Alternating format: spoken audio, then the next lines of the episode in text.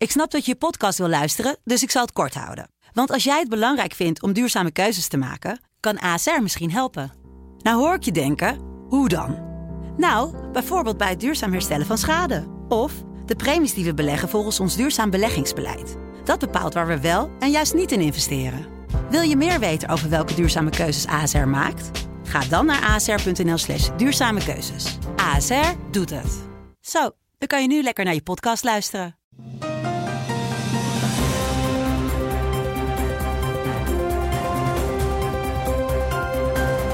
Dit is de Telegraaf podcast.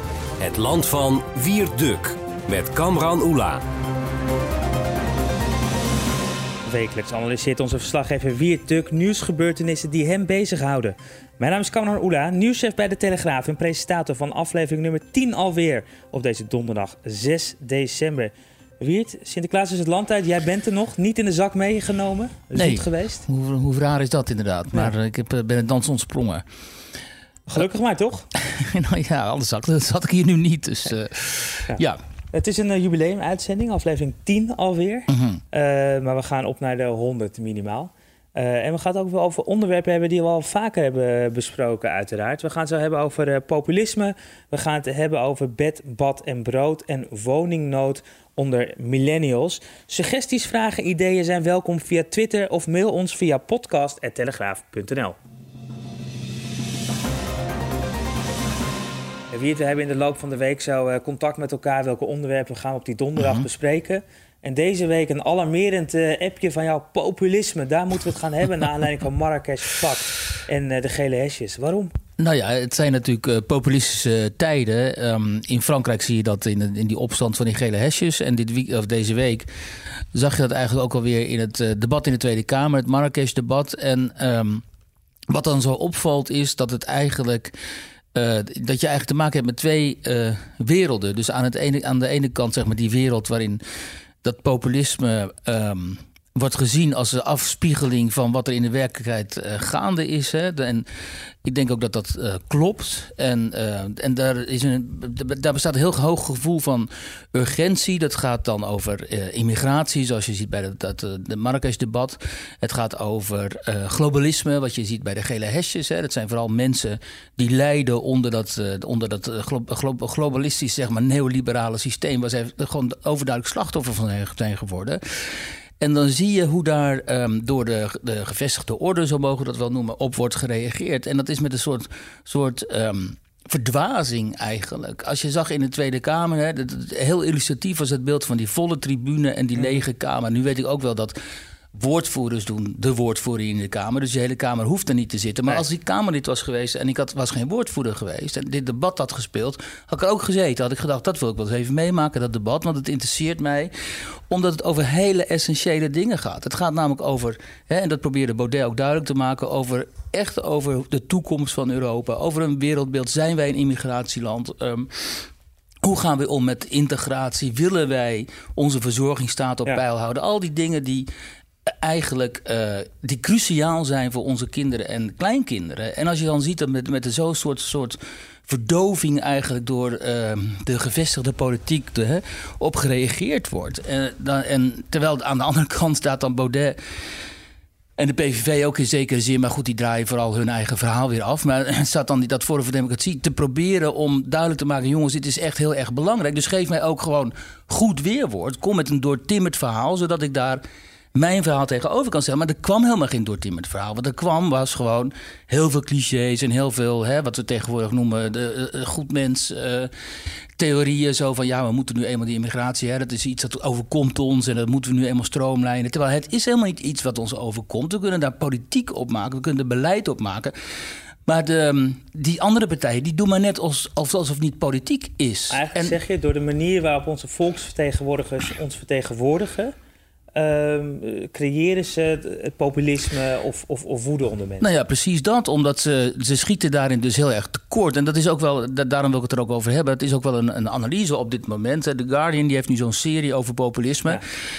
Ehm, en die doen ook net alsof het populisme een soort gevoel is. Alsof het niet iets is wat ook politiek is.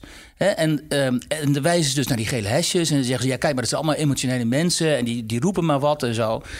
Ze roepen zus, ze roepen zo, ze roepen iets over uh, Macron, ze roepen iets over belastingen en vervolgens gaan ze ook iets roepen over immigratie. Dus, dus dat is niet een politieke analyse. Alleen wat je nu langzaam. Wat, dat is fout. Want het populisme is juist ook politiek. En dat zie je als het in de Kamer komt, zoals nu met Baudet en in zekere zin natuurlijk ook met Wilders.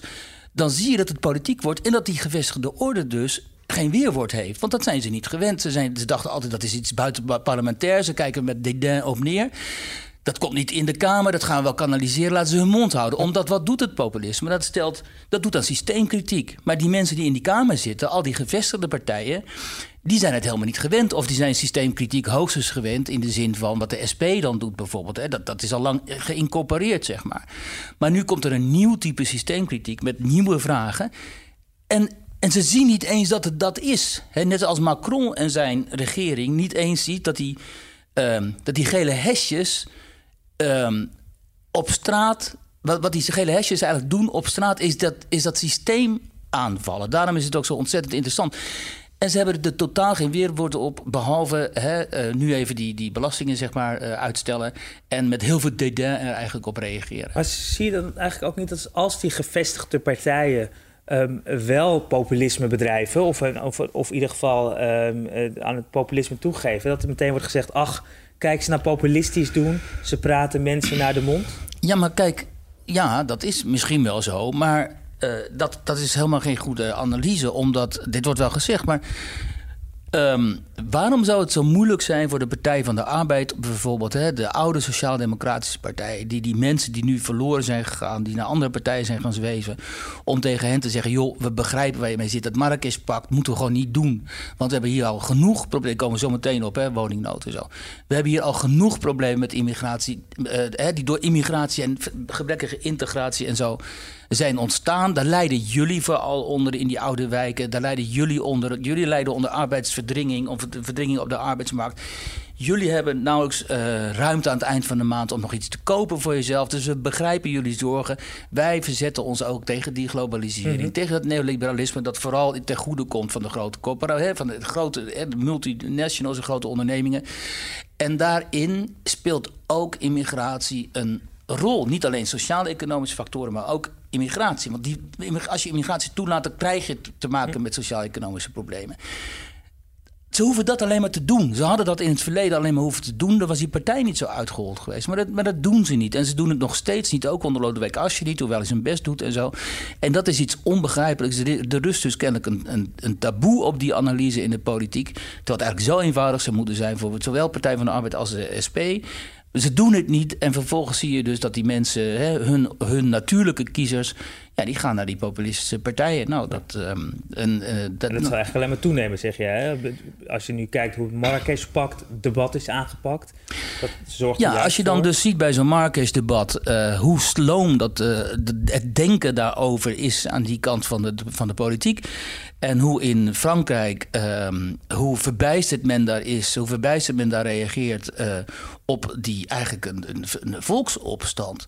Ja, dan moet je heel ernstig zorgen maken. Want uh, die, die gele hesjes hebben al gezegd ja, dat nu die uh, belasting op de, of die, die, die accijns op brandstof wordt teruggetrokken, dat is voor ons niet voldoende. Nee, dat haalt je de koekoek, want die, willen, die denken natuurlijk van zie je wel, we gaan de straat op, we krijgen, en er wordt min of meer voldaan aan onze eisen. Die willen we ook echt doorzetten. Er was wel een van die leiders die zei, we gaan zaterdag trekken we de Elysée binnen. Dus ze hebben een soort van, um, er is een geest uit de fles die, die ze niet op deze manier uit de fles hadden moeten laten komen. En in die zin is het de eigen schuld van die gevestigde partijen dat ze nu dit tegenover zich zien staan. Alder, vorige week hadden we hier eigenlijk een soort gelijke analyse, maar dan over Frankrijk, wat daar aan de hand is. Inmiddels trouwens Macron toegegeven, hè? dus die brandstofaccijnsen die gaan uh, niet omhoog. Maar komend weekend worden er uh, massale protesten verwacht. De politie gaat zelfs uit dat er doden kunnen vallen als er niet wordt ingegrepen. En een deel van die Franse politie gaat staken ook. En je ziet al dat een deel van die Franse ordendiensten, politie, maar ook brandweer en zo, dat die op de hand van die gele hesjes uh, zijn uh, inmiddels. En um, dus je weet niet of, deze, of dit nog wel uh, te controleren is. Of is het hier nog niet, maar als jij zegt eigenlijk, weet je, de waarschuwing als men zo doorgaat, ja, dan vrezen we dit nou, soort toestanden. Kijk, wat mij zo opvalt is dat mensen, um, en dan kunnen we op het tweede thema komen, um, dat er zoveel mensen met wie het goed gaat, zeggen als ze dit soort verhalen horen als die ik nu hier vertel dat ze echt hè, dat, dat, dat, ze denken, joh, wat, wat een flauwkul vertel je daar. Dat is echt, het gaat hartstikke goed met Nederland. En wat klets je nou? En uh, wat is dat voor opbruiend uh, verhaal en zo? En dan verwijzen ze naar altijd die statistieken, hè, waarin het met Nederland zo goed zou gaan en ja. zo. Maar als je echt naar de statistieken kijkt, dan zie je dat Nederland qua koopkracht, nog reële koopkracht, onder Frankrijk staat vijftiende in Europa. Dus helemaal niet in die top vijf en zo. Uh, en dat Frankrijk daar nog boven staat. En als je met de mensen, de, de grote groep, hè, lagere middenklasse en daaronder. Als je met die mensen spreekt, en, vooral hier in de Randstad ook, waar het leven hartstikke duur is natuurlijk dan hoor je telkens weer die verhalen van mensen die zeggen hoe moeilijk het is om de eindjes aan elkaar te knopen. Hoe onmogelijk het inmiddels is om als starter woonruimte te vinden. Er is een hele generatie jongeren nu, hè, jonger dan jij. Um, die opgroeit met schulden, die geen kans hebben op woonruimte, die geen kans hebben op vaste contracten en zo. Uh, daarmee creëer je zoveel uh, uh, onvrede en dat ontmoedigt zoveel mensen om een, om een plek in de samenleving op te eisen. En dat wordt volgens mij door de Tweede Kamer, laten we gewoon maar zeggen, door de Tweede Kamer, die met het, het merendeel van de mensen daar, wordt het volgens mij enorm onderschat. Maar het is ook makkelijk als je het zelf goed hebt. En je hebt ja, je... Maar laten we meteen even hierover uh -huh. doorpraten. Althans, één element hier uithalen, de woningnood. Daar heb je deze week in je wekelijkse rubriek in Nederland aandacht aan besteed. Ja. Um, ja, een schrijnend verhaal. jongen van 29 kan geen woning vinden. Nee, dat is in Amstelveen. En we hebben in de krant al vaker aandacht besteed aan die woningnood. Maar ik wilde nu proberen het een beetje breder te trekken ook. En dat is dan een jongen van 29 in Amstelveen. En die heeft gewoon een baan in Amsterdam. Daarmee verdient hij 1800 euro netto. Ja, en daarmee kan hij voor zichzelf gewoon uh, geen woning huren. En al helemaal niet kopen natuurlijk. Omdat die huurprijzen veel te hoog zijn. In de vrije sector, de sociale, sociale sector zit helemaal dicht.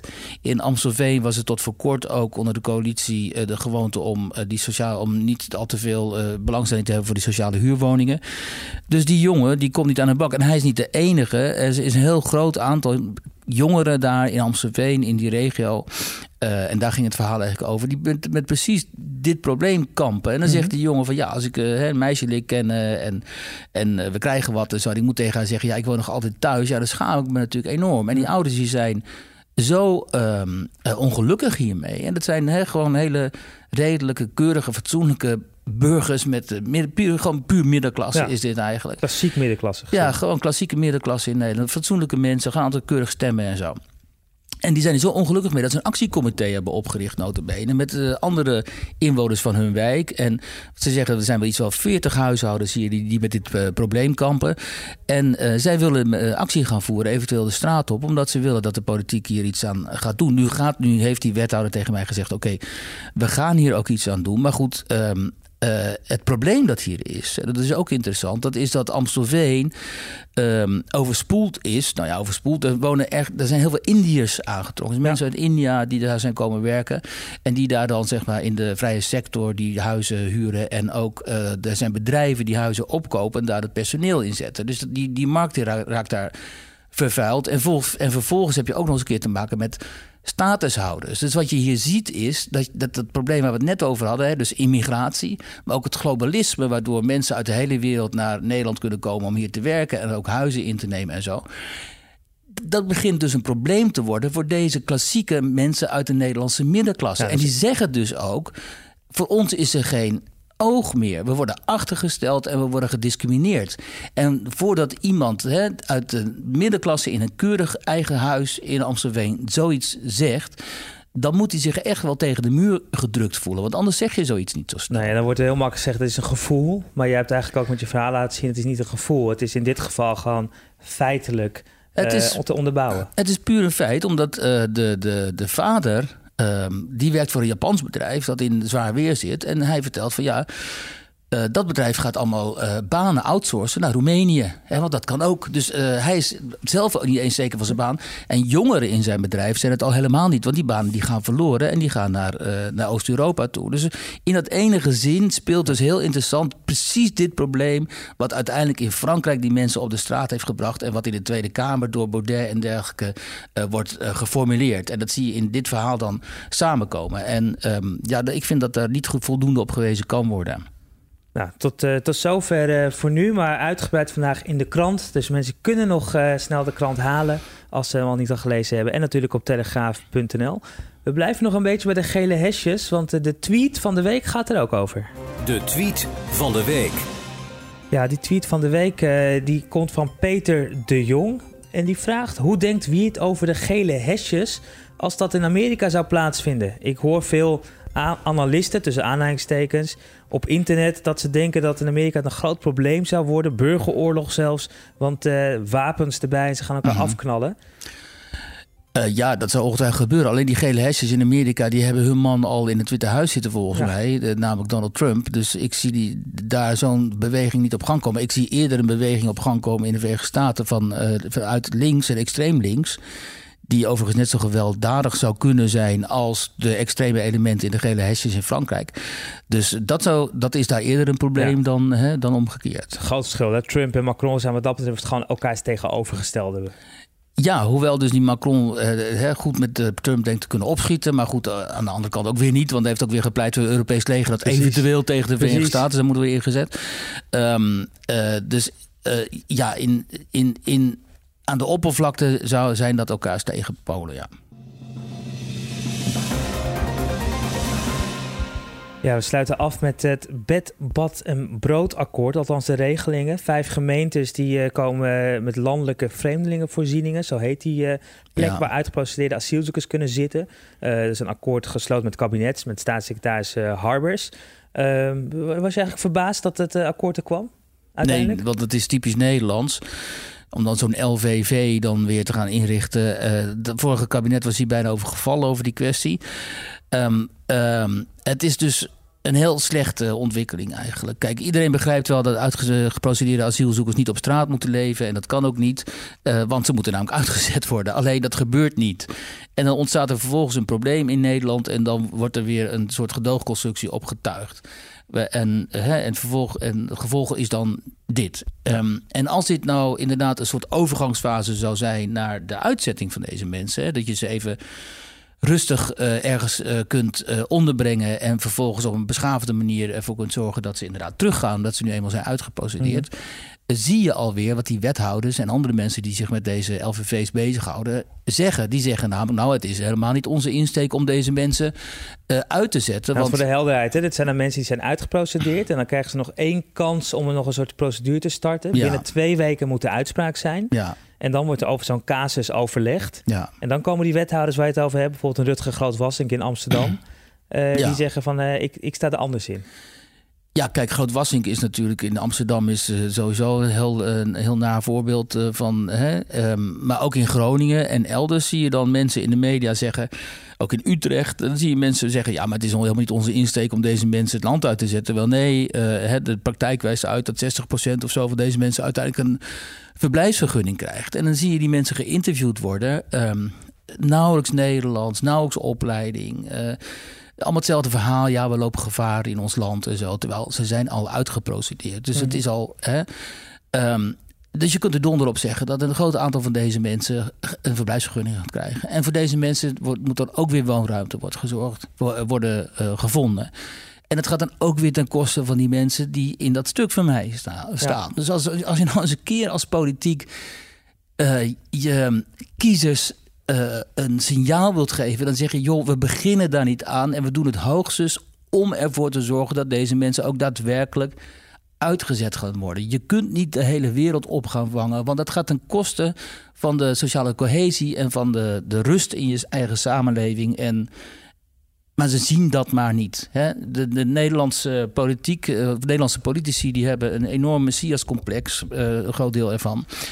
En die willen de hele wereld redden. En ondertussen zien ze niet wat er in hun eigen samenleving uh, broeit. En uh, dat vind ik toch wel heel uh, eigenlijk. Ja, dus eigenlijk zeg je, dit is een polderakkoord. Maar uiteindelijk gaat het het niet het doel halen waarvoor het eigenlijk is bedoeld. Nee, kijk, polderen is uh, af en toe goed. En de consensussamenleving, zoals de Nederlandse, is ook goed. Maar je kunt dat niet uh, helemaal gaan, uh, al te ver gaan oprekken. Want dan dan, uh, dan uh, die, die boog die kan niet altijd zo gespannen zijn. Want uiteindelijk breekt die.